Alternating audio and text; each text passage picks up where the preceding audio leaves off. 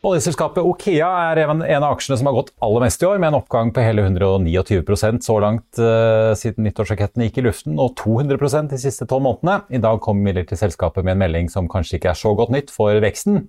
De melder nemlig at de ikke klarer å få nok finansiell robusthet i vettutbyggingen, og de har anbefalt partnerne å ikke gå videre. Det får også konsekvensen av at man ikke heller klarer å regne hjem en utbygging av Grevlingfunnet. Aksjen til Okea den deiset først ned 2,2 i dag og var deretter opp 5% Så vi tok en prat med Kepler Chevreuse analytiker Anders Holte for å høre hva som skjer.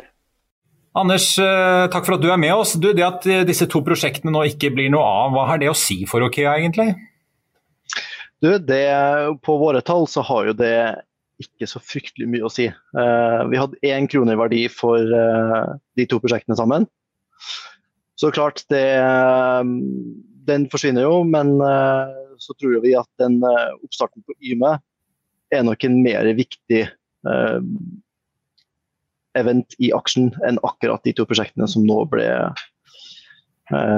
bestemt at man ikke skal gå videre med i dag. Så, ja. Ja, for De har jo jobbet med dette en god stund. De eh, varslet jo i, i Q2-rapporten i juli at de hadde fått ned balanseprisen på grevling fra 70 til 40, men at den måtte ytterligere ned. og Så har de jo gått inn i, og blitt operatør da på starten av året i Vette for å prøve å få bygget dette ut eh, i fellesskap for å klare å regne det hjem. Eh, hva sier det egentlig om at de ikke ser ut til å klare det likevel? Nei, Det sier jo det man har snakka om industrien lenge, da, at spesielt grevling er, det er utfordrende. Det er reservoarteknisk vanskelig.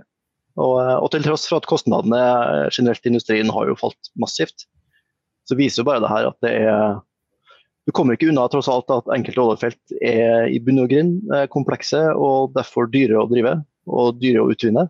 Og det, De prosjektene vi nå har sett at OK har kansellert, er jo definitivt i den kategorien. Hva tror du Okea gjør nå, da? Må de finne seg noen andre lisenser for å, for å sikre seg produksjon og vekst videre? Eh, ja, altså vårt, eh, Vår holdning er at Okea kommer nok mest sannsynligvis til å begynne å betale noen utbytter etter hvert. Og så er spørsmålet selvfølgelig, eh, og her må jo, her må jo Okea ta den samme avgjørelsen som svært mange andre i dagens oljeindustri, er jo om man skal betale ut, eller om man skal prøve å finne ting å investere i, og da vokse videre. Og klart ja. Den der evige veksten som man har levd etter i olje i eh, mange år, den er det jo ikke så mange investorer som er så interessert i lenger. Så det blir en spennende avgjørelse for styret, for styret å ta. Ja, og pengene renner vel inn i kassen med de eh, olje- og gassprisene som er nå for tiden? Ja, det kan du trygt si. Det, de har vel allerede Okea var det eneste selskapet jeg vet av som har uh, kommet med en positiv profit warning ja, godt over en måned før kvartalet var ferdig. Så de har jo, eh, selvfølgelig Med dagens gasspriser så har de, eh, og kvartalet igjennom, så har de gjort det meget sterkt. Du Anders, til slutt, eh, du snakket jo om dette Yme-prosjektet. Jeg tenkte vi måtte ta et punkt på det. Nå ser det jo endelig ut til at det faktisk kommer i produksjon nå denne høsten. Det jo, var jo først en stor skandale på norsk sokkel, og så kom jo Okea inn med Repsol litt senere og skulle gjenopplive dette prosjektet. Vi ser jo nå i statsbudsjettet som kom i dag at eh, det har jo likevel kostet mer enn planlagt. Overskridelsen ligger jo på 33 nå. Eh, så det har jo blitt rundt 3 milliarder dyrere enn de 8,9 milliardene som eh, Okea og Repsol regnet med i starten. Hva har egentlig det å si for Okea? Nei, nå tror jeg, altså Det selskapet har vært helt ærlig på, er at uh, den forsinkelsen som uh, traff Yme i etterkant av covid, den har hatt konsekvenser selvfølgelig for kostnadsnivået.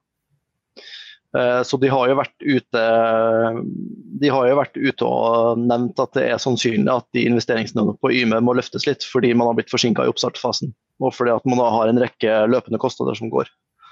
Men det er jo symptomatisk for prosjektet at det er enda en overskridelse. Eh, det er jo selvfølgelig uheldig.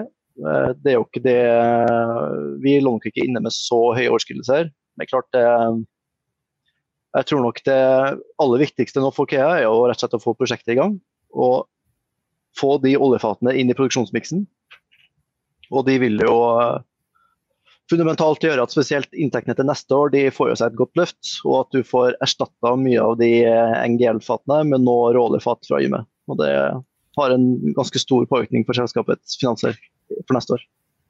Og Det at aksjekursen eh, stiger såpass i dag eh, til tross for denne nyheten om disse andre prosjektene, kan vi tilskrive det at folk går og venter på utbytte nå, eller? Ja, jeg tror det ligger vel sånn rimelig tett i kortene at de kommer med noe. Og så er det jo eh, Det er selvfølgelig de to kanselleringene i dag synliggjør, er at selskapet har kapitaldisiplin. Eh, og så er det jo ikke til å komme ut fra at med de to prosjektene, som var såpass marginale som de var, så er det jo helt sikkert noen som med rette har ligget inne med ganske skrale internrenter på de prosjektene. Og klart, Når du kansellerer dem, så frigjør du kapital, og eh, ikke minst så tar det jo ned risikoen for at de skal gå på framtidige eh, kostnadsoverskridelser og forsinkelser. Da. Så da vil jo alltids verdien skyve seg litt oppover. Anders Hotte i Kepler Chevrolet, tusen takk skal du ha.